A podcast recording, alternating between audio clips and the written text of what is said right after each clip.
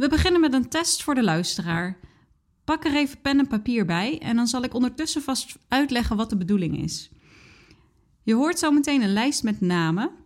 Schrijf voor elke naam op of dit een naam is van een bekende auteur of niet. Pen en papier gevonden? Daar gaan we. Pablo Daniel González. Simone van der Vlucht. Herman Koch. Kira Appels. Vladimir Nabokov. Arnon Grunberg. Teresa Ziegler. Kader Abdollah. Thea Beckman.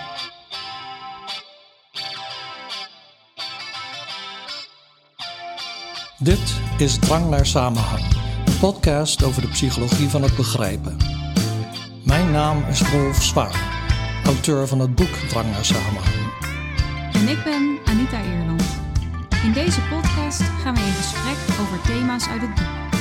Je hoeft het boek niet te lezen om ons te kunnen volgen, maar dat is wel zo leuk natuurlijk. Dat lezen allerlei positieve effecten heeft op de taalontwikkeling van de lezer is bekend.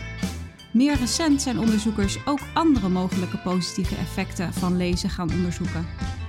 In deze aflevering gaan we het hebben over de vraag of je van literatuur lezen socialer wordt. Ja, daarvoor moeten we wat mij betreft terug tot 2007. Toen was ik uitgenodigd om aanwezig te zijn en vragen te stellen bij de promotie van Raymond Marr. En hij was een, uh, een promovendus aan de Universiteit van Toronto. En zijn promotor was trouwens uh, Jordan Peterson, die jaren later bekendheid zou verwerven met zijn boek 12 Rules for Life.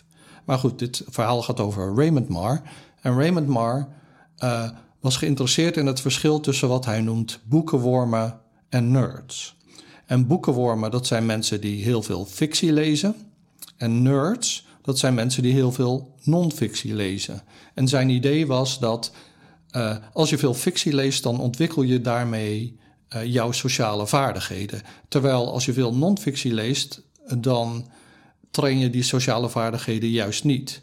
Dus iemand die veel fictie leest, zou hoger moeten scoren op uh, schalen die sociale vaardigheden meten, terwijl iemand die non-fictie leest daar juist lager op zou moeten scoren. En in feite is het idee zelfs dat hoe meer fictie je leest, hoe hoger je scoort op zo'n schaal die sociale vaardigheden meet, hoe minder, hoe meer non-fictie je leest, hoe uh, lager je scoort op die schaal. En hoe komt hij nou bij dit idee? Nou, eigenlijk ging hij uit van iets wat hij uit mijn onderzoek had en wat ik ook beschrijf in uh, Drang naar Samenhang, namelijk dat uh, als je verhalen leest, dan simuleer je eigenlijk een situatie uit de werkelijkheid. Dus het lezen van een verhaal is eigenlijk het begrijpen van een situatie zoals die in de werkelijkheid zou kunnen voorkomen. En om dus zo'n situatie te begrijpen, uh, uh, uh, train je de mechanismen die je ook in de, sociale, in, in de werkelijke sociale wereld gebruikt. En daarom zou je dus verwachten dat iemand die veel fictie leest, steeds sociaal vaardiger wordt, ondanks dus het feit dat die persoon zich onttrekt aan sociale situatie van, situaties wanneer die aan het lezen is, zou dat het geval moeten zijn. Hè? Dus dat is eigenlijk contra-intuïtief. En uh, voor iemand die non-fictie leest, is het juist het geval dat hij dus niet zijn of haar sociale vaardigheden traint als die, um, die non-fictie leest. En die persoon zou daarom juist minder sociaal vaardig moeten zijn. Dat ja. is het idee. Ja, dus in beide gevallen krijg je minder ervaring met uh, sociale situaties in het echte leven, omdat je ervoor kiest om met een boekje ergens te gaan zitten in plaats van te interacteren met andere mensen. Ja. Maar dat kan op de een of andere manier gecompenseerd worden als je um, fictie leest, maar als je non-fictie leest, dan niet. Ja, dat klopt. Dat, dat is zijn idee. En uh, dan is de vraag natuurlijk, hoe meten ze dat? En daar moet ik wel bij zeggen dat ik ben zelf cognitief psycholoog en Peterson en Marr, dat waren persoonlijkheidspsychologen, die dus mijn werk gebruikt hadden. Maar ik ken dat onderzoek van de persoonlijkheidspsychologie eigenlijk niet zo goed. Dus zij gebruiken ook heel andere methoden dan, uh, dan ik zou gebruiken. Maar we, we gaan het toch even hebben over die studie, omdat die vind ik heel interessant is. En hoe ze nu sociale uh, vaardigheden meten, dat is met een uh, test die heet de Theory of Mind test. En daar weet jij het nodig over. Ja, nou, Theory of Mind is het vermogen om na te kunnen denken over de mentale staat van jezelf en mhm. van andere mensen. Uh, en dan onder mentale staat vallen dingen als uh, emoties, dus van jezelf of van anderen, uh, overtuigingen, verlangens, um, en maar ook kennis over um, nou ja, sociale situaties. Um, en het, het gaat er bij Theory of Mind om, en dat wordt heel vaak getest bij jonge kinderen, waarin die ja, die theory of mind nog ontwikkeld moet worden. Mm het gaat erom dat je uh, ja, je dus kunt verplaatsen uh, in een ander persoon. En dan de meest bekende test die gebruikt wordt om theory of mind te meten bij kinderen, is de zogenaamde Sally Ann test. En dat is een taak waarbij kinderen um, een situatie te zien krijgen waarin uh, twee meisjes, Sally en Anne, een rol spelen. Sally speelt met een bal. Uh, op een gegeven moment moet zij uh, naar het toilet. Dat is het verhaal. En zij stopt de bal in een mandje en gaat vervolgens mhm. weg. Uh, en pakt vervolgens die bal uit dat mandje en ver, verstopt die bal ergens anders, op een andere plek. Dan komt Sally terug en dan vraag je aan een kind: waar gaat Sally nu zoeken naar de bal? Nou, als dat kind Theory of Mind nog niet heeft ontwikkeld, dan zal dat kind zeggen dat Sally gaat zoeken op de plaats waar Anne die bal heeft verstopt. Omdat dat kind dan nog niet weet dat Sally een andere uh, mentale staat heeft en dus uh, niet de juiste kennis heeft uh, over waar de bal zich bevindt. Ja, en dit gaat dan over kinderen natuurlijk. En die studie van Mar die ging over volwassenen. Mm -hmm. Maar je hebt ook dit soort tests voor volwassenen. Hè? Ja, nou ja, dan zijn ze uh, inderdaad wel wat anders. ik denk als je dit aan volwassenen vraagt, dat ze denken: wat, uh, wat is dit voor vraag? Um, maar bij volwassenen kun je uh, inderdaad andersoortige tests gebruiken. vragenlijsten om bijvoorbeeld empathie te meten, maar ook een test waarbij volwassenen foto's te zien krijgen van gezichten. Um, waarbij ze alleen de ogen kunnen zien. En dan is de vraag welke emotie is hier afgebeeld, bijvoorbeeld. Ja. Dus ja, dat gaat dan in op het uh, emotie, uh, ja, emotieaspect van Theory of Mind. Ja, nou ja, dat, dat is dus de manier waarop Mar en zijn collega's dan sociale vaardigheden hebben gemeten. Maar ze waren natuurlijk geïnteresseerd in nerds en boekenwormen. Mhm. Dus de vraag was, hoe meet je hoeveel mensen lezen? Hè? Want je wil hoeveel mensen lezen van een bepaald genre uh, daarvan wil je kijken hoe dat samenhangt met die uh, Theory of Mind scores. Mm -hmm. Nou, dan kun je natuurlijk aan mensen vragen hoeveel lees je, maar ja, dan krijg je allemaal sociale wenselijkheid antwoorden. En dan gaan mensen overdrijven hoeveel ze werkelijk lezen. Ja. Dus in plaats daarvan hadden de auteurs een test gebruikt die al eerder ontwikkeld was en die heet de Author Recognition Test. En die had jij aan het begin van de aflevering voorgelezen aan de luisteraar, of in ieder geval een deel van die uh, test. Ja, en daar kun je dus niet uh, je eigen belezenheid overdrijven, want je moet aangeven of iemand een auteur is of niet. Als je gewoon bij iedereen zegt, ja, dat is een auteur, dan is jouw score nul, want je trekt uh, de, correcte antwoord, uh, de foute antwoorden af van de correcte antwoorden.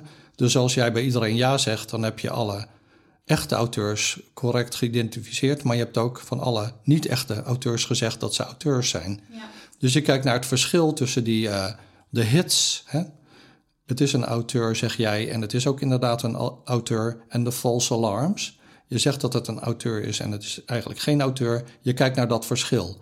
En over zo'n soort test heb ik het ook in het boek, uh, uh, wanneer ik het heb over signaaldetectie. Um, nou goed, dat is dus een vrij goede test gebleken om te meten hoeveel mensen lezen. Dus nu had, uh, hadden Mar en zijn collega's een manier waarop ze konden meten hoeveel mensen gelezen hadden. En ze kunnen ook meten hoe, uh, hoe hun sociale vaardigheden zijn. En nou ja, wat vonden ze dan?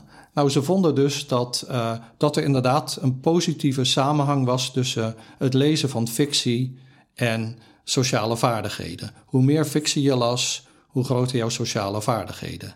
En hoe uh, meer non-fictie jij las, hoe lager jouw sociale vaardigheden. Nou zijn er natuurlijk mensen die allebei lezen. Wij doen dat zelf ook. Ik bedoel, ik lees niet alleen maar fictie of non-fictie. Uh, maar daar hadden de auteurs dus rekening mee gehouden. Hè? Dus ze hadden gekeken naar uh, hoeveel fictie je leest in verhouding met uh, non-fictie die jij leest voor elke persoon. Dus ze hadden niet twee groepen, de ene alleen maar fictielezers, nee. ander alleen maar nee. non-fictielezers, maar iedereen had een score voor de verhouding daartussen. Ja, ja. En um, nou ja, dus ze vinden dat hoe meer fictie je leest, hoe meer eh, sociaal je bent. En hoe minder fictie je, eh, hoe meer non-fictie je leest, hoe minder. Dus dat ondersteunt die hypothese. En verder vonden ze ook nog, en uh, dat is wel leuk vind ik, dat uh, narrative transportation, waarover jij vertelde in aflevering 2, hè, mm -hmm. uh, de mate waarin je opgaat in een verhaal, die hing ook positief samen met sociale vaardigheden. En dat kun je natuurlijk verklaren door te zeggen van ja, mensen uh, gaan op in dat verhaal. En dan trainen ze hun sociale vaardigheden nog meer dan wanneer ze minder opgaan in het verhaal. Dus dan zullen ze ook sterkere sociale vaardigheden ontwikkelen, volgens deze gedachtegang dan. Ja, nou dan lijkt het erop alsof we al een antwoord hebben op de vraag die centraal staat in deze aflevering. Maar um, ik heb daarna gelezen over een artikel, of nee, over onderzoek. Ik heb een artikel gelezen over onderzoek Um, dat artikel kwam uit in uh, 2020. Is uh, onderzoek van Lennart Dangel en Richter. Uh, en zij hebben onderzoek gedaan dat voortborduurt op die studie van Mar. Dus zij gingen ook kijken naar de samenhang tussen het lezen van fictie en sociale vaardigheden. Um, en ze hebben ook gekeken naar de rol van transportation. Um, en wat zij uh, ook nog hadden gedaan, wat niet in die studie van Mar um, gebeurde, is gekeken naar de hoeveelheid sociale interacties die mensen in het echte leven hebben. En we hebben het daar eerder ook over gehad van uh, als je gaat lezen, dan dan is dat een soort van gemiste kans om ook uh, sociale interacties te hebben met andere mensen, omdat je lezen in je eentje doet. Maar dat, dat het lezen van fictie ervoor kan zorgen dat je toch die ervaringen opdoet of, of kennis over sociale interacties.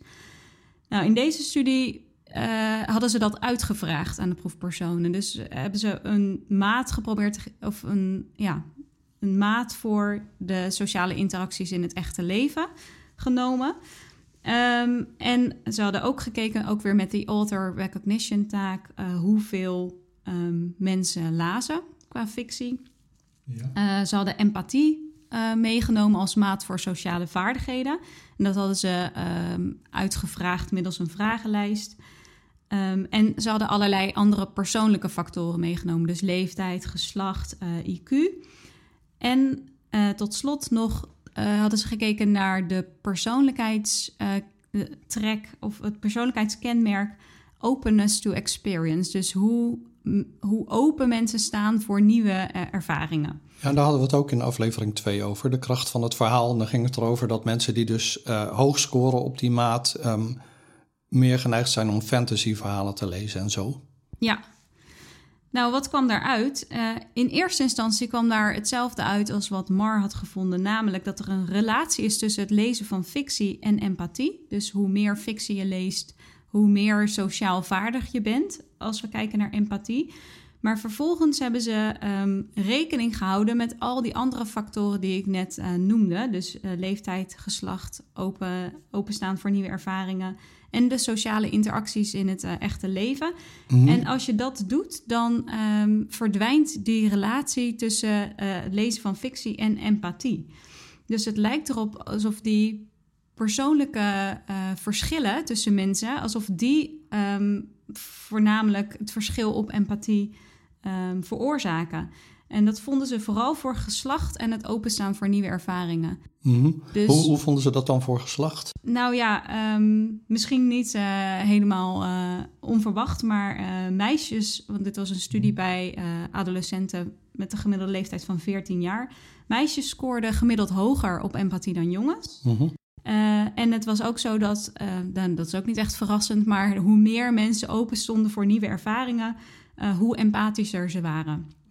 Dus um, eigenlijk op basis van deze studie zou je dan kunnen zeggen dat, uh, dat je niet empathischer wordt van het lezen van literatuur, maar dat er allerlei persoonlijke factoren zijn die um, belangrijker uh, zijn in eh, het ontwikkelen van sociale vaardigheden. Maar goed, ehm, ja, dit is ook weer correlationeel onderzoek. En dan kun je dus eigenlijk alleen maar kijken naar samenhang tussen factoren. Ja, en dan weet je niet precies welke kant die samenhang op werkt. Dus bijvoorbeeld in dat onderzoek van Mar zou je kunnen zeggen, en hij zegt dat trouwens zelf ook. Ehm, je zou kunnen denken van hoe meer fictie je leest, hoe socialer je wordt. Maar het kan ook zijn hoe, meer, hoe socialer jij van nature bent, hoe meer fictie je gaat lezen. Of hoe minder sociaal jij bent, hoe meer non-fictie je gaat lezen. En dat kan ook nog een combinatie van de twee zijn. En uh, dat is een beperking van dit soort onderzoek waar, waarin je kijkt naar correlaties tussen dingen. Dus je hebt eigenlijk experimenten nodig om echt de vraag te kunnen beantwoorden: worden mensen socialer van het lezen van literatuur? Nou, je mag weer een, uh, met een onbegrip van de week komen. Ja, mijn onbegrip van de week is opgebouwd over uh, meerdere jaren. En heeft te maken met uh, wat er gebeurt wanneer jij informatie nodig hebt die iemand anders opzoekt op een computerscherm. Hè? Dus dat kan zijn een uh, IT-persoon of een uh, accountant of een student of zo. En die zitten dan in een, laten we zeggen, in een database te kijken. En ze gaan van boven naar beneden. En dan zeggen ze altijd iets van of zoiets.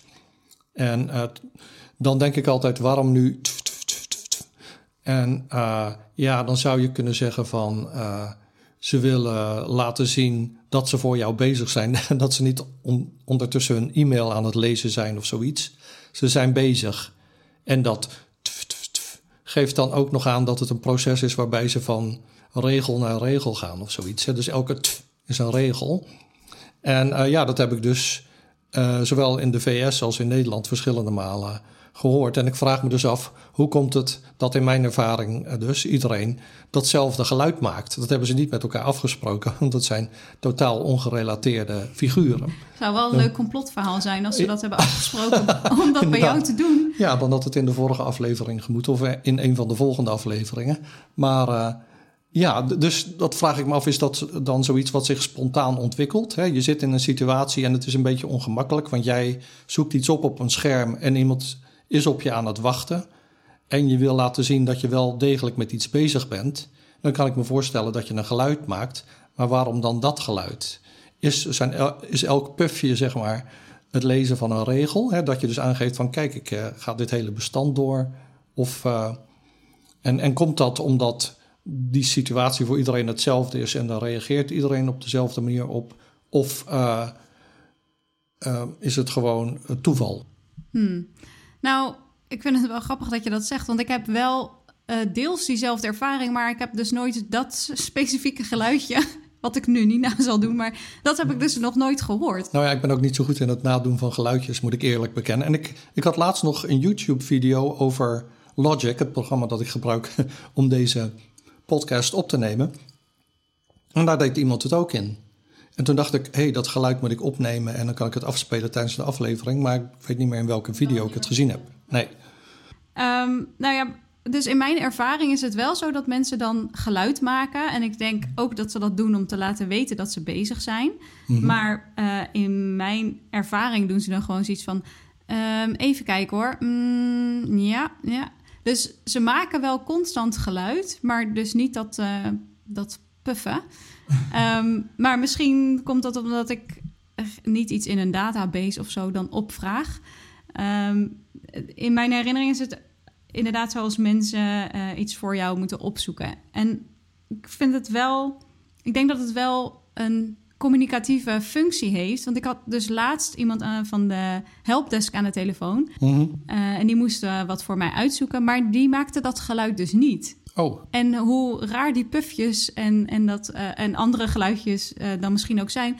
Het is eigenlijk nog veel raarder als iemand ineens helemaal stilvalt. En ik dacht echt, het duurde best wel lang. op een gegeven moment dacht ik, ja, is heb ik nog wel iemand aan de lijn? Of is die persoon weggelopen? Of uh, wat gebeurt er? Ik had geen idee of, er, uh, of we voortgang aan het maken waren. En dus ik denk dat dat wel de uh, communicatieve functie van dat geluid is. Maar... Ja, dat, dat denk ik dus ook. En het is dus geen taal. Hè? Het zijn geen woorden waarmee je naar iets anders verwijst. Dus in die zin is het vergelijkbaar met het zeggen van um en uh. En daar is wel veel onderzoek naar. Daar kunnen we nog een keer een aflevering aan wijden. Um en e hebben wel degelijk een communicatieve functie. En dus ik denk dat dat, wat ik dan in ieder geval hoor, dat dat dus ook die functie heeft. Uh, van één, ik geef, aan, ik geef aan jou aan dat ik met iets bezig ben voor jou. En twee, het is vrij moeilijk om te vinden en ik moet verschillende regels uh, af in mijn bestand om dat te vinden. Hmm, ik denk dat we hier uh, onderzoek naar moeten gaan doen of zo. Ja, of kijken of er anderen onderzoek naar hebben gedaan. Maar in ieder geval. Uh, een goed idee. ja, is wat minder werk meestal. Maar ook minder leuk. Nou ja, we zien wel. Uh, maar wat is jouw onbegrip van de week? Ja, ik had er afgelopen week een heleboel. Maar allemaal oh. kleine onbegripjes die allemaal in, het, in dezelfde categorie vallen. Ik moest namelijk uh, papers nakijken van studenten. En mm -hmm. uh, het waren papers over sociale media um, en over de invloed daarvan. En toen kwam ik me toch een partij onbekende influencers en platforms tegen. Dat is echt niet normaal. Toen dacht ik, kennelijk word ik oud, want ik heb echt nog nooit van deze mensen en deze platforms gehoord. Um, maar ja, dus ik had heel veel uh, onbegripjes wat dat betreft. En het zijn geen onbegrippen waardoor ik uh, niet meer snapte waar die papers over gingen. Maar het was wel even dat ik dacht: oh, kennelijk zitten mijn studenten in een heel andere wereld en, en gebruiken ze heel andere uh, platforms dan ik. Want ik zit eigenlijk alleen op LinkedIn, mm -hmm. waar ik ook nauwelijks iets mee doe, uh, en op Twitter. Um, en wat wel leuk is, is dat deze podcast nu ook een. Um, eigen Twitter-account heeft. Um, je kan ons dus volgen op Twitter um, bij uh, @drankcast zijn wij. Uh, en als je nou uh, geen Twitter hebt, maar je wilt toch interacteren met ons, dan kun je ons ook mailen via drankcast@gmail.com. Ja, dus in het gedeelte voor de onbegripjes van de week hadden we het over de beperkingen van correlationeel onderzoek, zoals dat van bijvoorbeeld MAR. En dat je eigenlijk experimenten zou moeten doen om de vraag te beantwoorden van word je socialer van het lezen van literatuur? En nou wil het toeval dat er een studie is gedaan in 2013 door Kit en Castagno.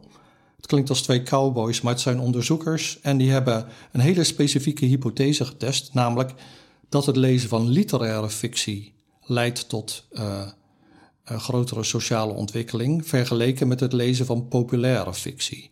En literaire fictie, dan moet je denken aan auteurs zoals uh, Thomas Mann of Willem Frederik Hermans, Simon Vestdijk, uh, Arnon Grunberg. En populaire fictie, dat is dan Agatha Christie of Stephen King of Saskia Noord. Um, en ja, waarom zou dat dan zo zijn? Nou, zeggen Kit en Castagno, literaire werken confronteren lezers met interessante en complexe personages. En je leest ook vaak de gedachten van die personages. En die personages gedragen zich vaak niet volgens sociale scripts. We hadden het in aflevering 1 al over scripts. We hadden het over het restaurantscript, hoe je je gedraagt in een restaurant bijvoorbeeld. Nou, die literaire personages gedragen zich vaak ongebruikelijk. Dus om hun gedrag te begrijpen, hè, want je simuleert die situatie, moet je dus allemaal mechanismen gaan ontwikkelen die je ook kunt toepassen in, in, in de werkelijkheid dan. Um, en populaire fictie, de, in populaire fictie staat het personage niet centraal, maar meer de plot. Bijvoorbeeld in een detective eh, roman Who Done It? Wie heeft het gedaan? En niet zozeer de persoonlijkheden van de personages. Dus, zeggen Kit en Castagno, dat is een onderscheid tussen literaire fictie en populaire fictie. En vanwege dat onderscheid zou je dus verwachten dat uh, het lezen van literaire fictie leidt tot grotere sociale vaardigheden, of de activatie daarvan in ieder geval, vergeleken met het lezen van populaire fictie. Ja, dus bij uh, populaire fictie heb je karakters die zich gedragen op een manier die je al kent. Ja. Dus dan kun je al je voorkennis uh, goed gebruiken, maar leer je eigenlijk niks nieuws. Uh, je kunt het gedrag goed voorspellen, maar er komen geen nieuwe vaardigheden bij. Terwijl bij literaire fictie, als mensen zich dus anders gedragen, afwijken van de norm, dan breid je je repertoire eigenlijk uit. Zo zou je het kunnen zeggen. Maar goed, in de, dat is dus als je je hele leven lang, laten we zeggen, alleen maar literatuur leest versus alleen maar um, populaire fictie. Mhm. Maar hier hebben ze een experiment uitgevoerd. En uh, hoe hebben ze dat nu gedaan? Nou, ze, ze, hebben trouwens vijf experimenten uitgevoerd, maar ik uh, vat het even samen. Um, in die experimenten kregen mensen een kort stukje fictie te lezen. En dat was ofwel literaire fictie, ofwel populaire fictie. Dus ze lazen dat korte stukje en daarna werd dan hun sociale vaardigheden, werden hun sociale vaardigheden gemeten, hè, de theory of mind. En vooral werd er dan gekeken naar affective theory of mind, dus te maken hebbend met empathie en zo. Dus ze gebruikten bijvoorbeeld ook die test met die ogen waar jij het over had. Mhm. En ook nog een test met cartoonpoppetjes. Uh, dus ze hadden meerdere manieren om dan sociale vaardigheden te meten. En ze vonden inderdaad dat de mensen die net een stukje literatuur hadden gelezen, hoger scoorden dan mensen die net een stukje populaire fictie hadden gelezen. Dus ze hadden helemaal niet meer gekeken uh, met zo'n author recognition taak van uh, hoeveel lezen mensen nu überhaupt, wat ze bij die correlationele studies hadden gedaan, maar ze hadden de, het, lezen van fictie puur alleen gebaseerd op wat voor stukje tekst mensen van tevoren hadden gelezen. Ja, daar ging het om. Of ze nou die author recognition test ook nog hadden gebruikt, weet ik niet. Maar het punt is inderdaad dat, uh, dat je, je manipuleert wat mensen lezen. Ze lezen ofwel uh, uh, dus literatuur ofwel populaire fictie. En dat doen ze maar eventjes. Mm -hmm. Ja, want je kan ze niet een hele roman laten lezen in een experiment natuurlijk. Want je moet die mensen betalen en dan zou het heel duur worden als je 500 proefpersonen een roman moet laten lezen. Maar goed, um, ze vonden dus inderdaad dat de mensen die dat stukje literatuur hadden gelezen, hoger scoorden dan die andere mensen die populaire fictie hadden gelezen. Terwijl je kon zeggen van die groepen zijn verder vergelijkbaar in hoeveel ze lezen. Dus dat is experimenteel bewijs of experimentele ondersteuning voor het idee dat literatuur lezen leidt tot grotere sociale vaardigheden. Nou uh, had ik dit artikel een keer met een aantal collega's en studenten besproken. En wij twijfelden nogal aan de bevindingen, want wij dachten, ja, um, even zo'n stukje literatuur lezen, hoe kan dat nou zo'n effect hebben? Vergeleken met je hele leven lang die literatuur lezen. Het idee hier is, denk ik, van Kit en Castagno, dat um, het lezen van een literair stukje, dat triggert als het ware de mechanismen die jij gebruikt om eh, complexe sociale situaties te gebruiken. Dus als een voetballer die, die warm loopt, zeg maar. Mhm. Hij loopt even warm en dan doet hij de Theory of Mind test. Die populaire fictie triggert die mechanismen minder, alsof de voetballer niet heeft warm gelopen en dan doet hij dezelfde test. Ja, want het lijkt me wel sterk dat je ineens uh, veel sociaal vaardiger wordt als je een paar regels uh, tekst hebt gelezen. Ja, dus dat, is, is dat, is compleet implausibel inderdaad. Ja. Maar goed, wij vonden het nog steeds vrij implausibel. Dus wij dachten, we gaan dat experiment van Kit en Kastanje, of één ervan in ieder geval, precies herhalen.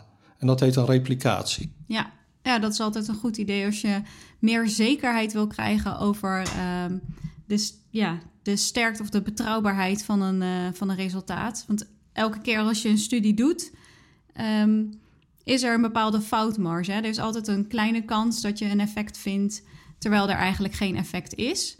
Um, maar als we dezelfde studie meerdere keren doen en we vinden steeds hetzelfde resultaat, dan met elke replicatie van een uh, bevinding krijgen we daar meer vertrouwen in. Dat klopt, ja. ja. ja. dat klopt, want het gaat eigenlijk niet om de individuele bevinding, maar het is meer zo dat je een procedure moet ontwikkelen waarmee je op betrouwbare wijze steeds die bevinding krijgt. Ja. Dat is eigenlijk wat je zou moeten willen. En wij hebben daar een artikel over geschreven, collega's en ik zullen we opnemen in de show notes. Um, making replication mainstream. Maar goed, uh, in dit geval gaat het er dus om van. Uh, uh, oh, er was trouwens nog een andere reden dat we een beetje twijfelden aan die resultaten van Kit en Castagno. En dat had te maken met de statistiek, maar dat laat ik even buiten beschouwing hier. Wij dachten in ieder geval van, het is een hele interessante hypothese. Ja. Waar ik ook zelf graag in zou willen geloven. Hè, dat het lezen van literatuur je socialer maakt. Maar we vonden die experimenten niet overtuigend. Dus wij deden ze precies na. En het is dus, jij zei replicatie is belangrijk, dat is waar. En ik denk dat een replicatie, dus het herhalen van bevindingen, nog sterker is wanneer andere onderzoekers dan de originele onderzoekers het doen. Uh, nou ja, wat vonden wij? Wij vonden eigenlijk precies hetzelfde als Kit en Castagno. Uh, wij vonden dus ook dat dat even lezen van een literaire tekst leidde tot hogere scores op die, uh, die test die we noemden, die sociale vaardigheden meten, dan het lezen van populaire fictie. En dat had je niet verwacht. Dat hadden we niet verwacht. En uh, ook vonden we, en dat vonden Kit en Castagno ook, uh, dat hadden ze ook nog gemeten, namelijk hoe, in hoeverre gaan mensen op in die verhalen. En ze vonden dat de mensen meer opgingen in de literaire teksten dan in de non-fictieteksten. En uh, nou ja, dat is dan consistent met het idee dat je dus uh, sterkere sociale vaardigheden activeert met die literaire teksten dan met die, non, met die populaire fictie. Zei ik non-fictie? Ik bedoel de populaire fictie. Ja. Ik zag je al streng kijken. nee, ik dacht even, klopt dat nou? Maar het was inderdaad literair versus populair. het was allebei fictie. Ja, Um, dus jullie vonden precies hetzelfde als uh, Kit en. Castagno. Castagno. Uh, ondanks dat jullie dat niet verwacht hadden, kunnen we dan nu concluderen nou ja, dat je dus van het lezen van literatuur inderdaad sociaal vaardiger wordt? Um, nou, ik denk, er is nog verder onder, onderzoek gedaan. Misschien moet ik dat ook nog even vertellen door andere onderzoekers. Die hebben dus ook dan wij, die hebben ook geprobeerd Kit en Castagno te herhalen, die bevinding, en die vonden het effect niet. Um, maar zeggen Kit en Castagno, wanneer je hun studies goed bekijkt, dan zie je dat ze niet precies hebben gedaan wat wij hebben gedaan. Want het is natuurlijk voor deze studie heel belangrijk dat mensen die meedoen aan het experiment, die teksten ook echt lezen voordat ze dan die vragen krijgen over de, de emoties en de ogen en zo. Ja, anders werkt je manipulatie niet. Nee, dus in het programma uh, waarmee de teksten werden aangeboden van de, aan de proefpersonen, werd ook gemeten hoe lang ze erover deden om die teksten te lezen. Mm -hmm. En Kit en Castagno en wij ook hadden mensen de data van proefpersonen eruit gegooid die dus veel te kort deden over die teksten. Zo'n tekst lees je niet in een halve seconde. Dan heb je gewoon het scherm gezien en geklikt en ben je doorgegaan om maar zo snel mogelijk je geld te krijgen. Dus die mensen wil je niet meenemen in je analyse, want die doen niet wat de bedoeling is. Ja. Uh, dus dat hadden wij gedaan. We hadden van tevoren gezegd: mensen die lang, uh, sneller lezen dan, uh, nou ja, dan een bepaalde tijd, die gooien we eruit. Hadden we van tevoren gezegd en dat hebben we inderdaad gedaan. Maar deze andere onderzoekers hadden die mensen erin gelaten. En dan verwatert natuurlijk het effect. Want ja, dan meet je eigenlijk helemaal niet bij een aantal proefpersonen wat het effect is van literaire fictie. Want die hebben die tekst helemaal niet gelezen. Ja, dus als je dan die data eruit haalt, en dat kan als mensen hun data delen met andere onderzoekers, hè, dan heb jij als andere onderzoeker de beschikking over andermans data. En dat heet Open Science, waar jij enorm mee bezig bent. En uh, dat is dus heel een groot goed. Uh, nou ja, zo vonden Kit en Castagno dus. Dus als je in die experimenten van die andere mensen, als je daar de proefpersonen, de data van de proefpersoon uitgooit waarvan je weet dat ze eigenlijk de tekst niet gelezen hebben, dan vind je ook het effect. En daarnaast hebben zij zelf ook nog een keer uh, dat effect gerepliceerd. Dus al met al kun je zeggen, met deze experimentele opzet, hoe implausibel die ook lijkt, geven de huidige data aan uh, dat, uh, dat dus literaire fictie tot hogere scores lijkt, leidt op mate van sociale vaardigheden dan het lezen van populaire fictie. En dan kun je nog eh, vragen stellen over, nou ja, misschien hebben ze niet de juiste fragmenten gebruikt van populaire fictie of, of, non, of versus literaire fictie. Dus dat is nog wel een vraag voor de toekomst. Maar ik zou dus zeggen, als ik uh, nu het geheel mag samenvatten, dat het zo lijkt alsof het lezen van literaire fictie leidt tot het activeren van uh, sterkere sociale vaardigheden dan het lezen van uh, niet-literaire fictie of populaire fictie. En uh, ja, hoe zou je dat dan kunnen verklaren? Nou ja, dan kom ik weer met een voetbalmetafoor. Um, je zou kunnen zeggen dat het lezen van populaire fictie is het spelen in de eredivisie. Je hebt wel tegenstanders en daar moet je van winnen, maar de tegenstand is niet heel erg groot. Ga je naar de Champions League, dan speel je ineens tegen veel betere tegenstanders en moet je dus ook je vaardigheden navenant ontwikkelen om die teams te kunnen verslaan. En dat zou dan literaire fictie kunnen zijn. Dus volgens deze gedachtegang uh, confronteert literaire fictie je met complexere sociale situatie, situaties en daardoor worden jouw sociale vaardigheden meer aangescherpt. Dat is eigenlijk dan de conclusie tot nu toe. Ja, maar dat wordt dus uh, nog uh, wordt vervolgd. Daar ja, gaat nog zoals meer... altijd in de wetenschap. Ja, ja maar tot nu toe uh, is dit onze conclusie. Dat vind ik ook wel een mooie. En ik dacht dat we het daarmee konden afsluiten. Maar de luisteraars hebben nog de uitslag van de test te goed. Um, de test die we helemaal aan het begin hebben gedaan, die Author Recognition Test, of in ieder geval een deel daarvan.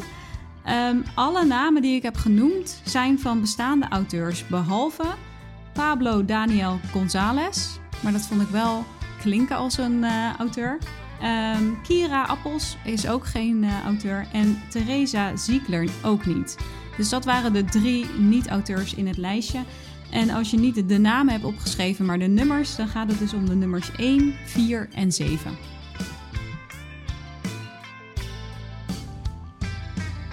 Vond je dit een leuke aflevering? Abonneer je dan. Je kunt ons volgen op Twitter, Drankkast, of mailen via drankkast.gmail.com. Een beoordeling met 5 sterren helpt andere mensen ook om onze podcast te vinden. Behoefte aan meer drang naar samenhang? Ga dan naar de boekwinkel of bestel het boek online. De hoofdstukken die aansluiten bij deze aflevering vind je in de show notes. Tot de volgende drang. Drang naar samenhang is een podcast van Rolf Zwaan en Anita Eerland. Montage door Rolf Zwaan. Muziek geschreven en gespeeld door Rolf Zwaan.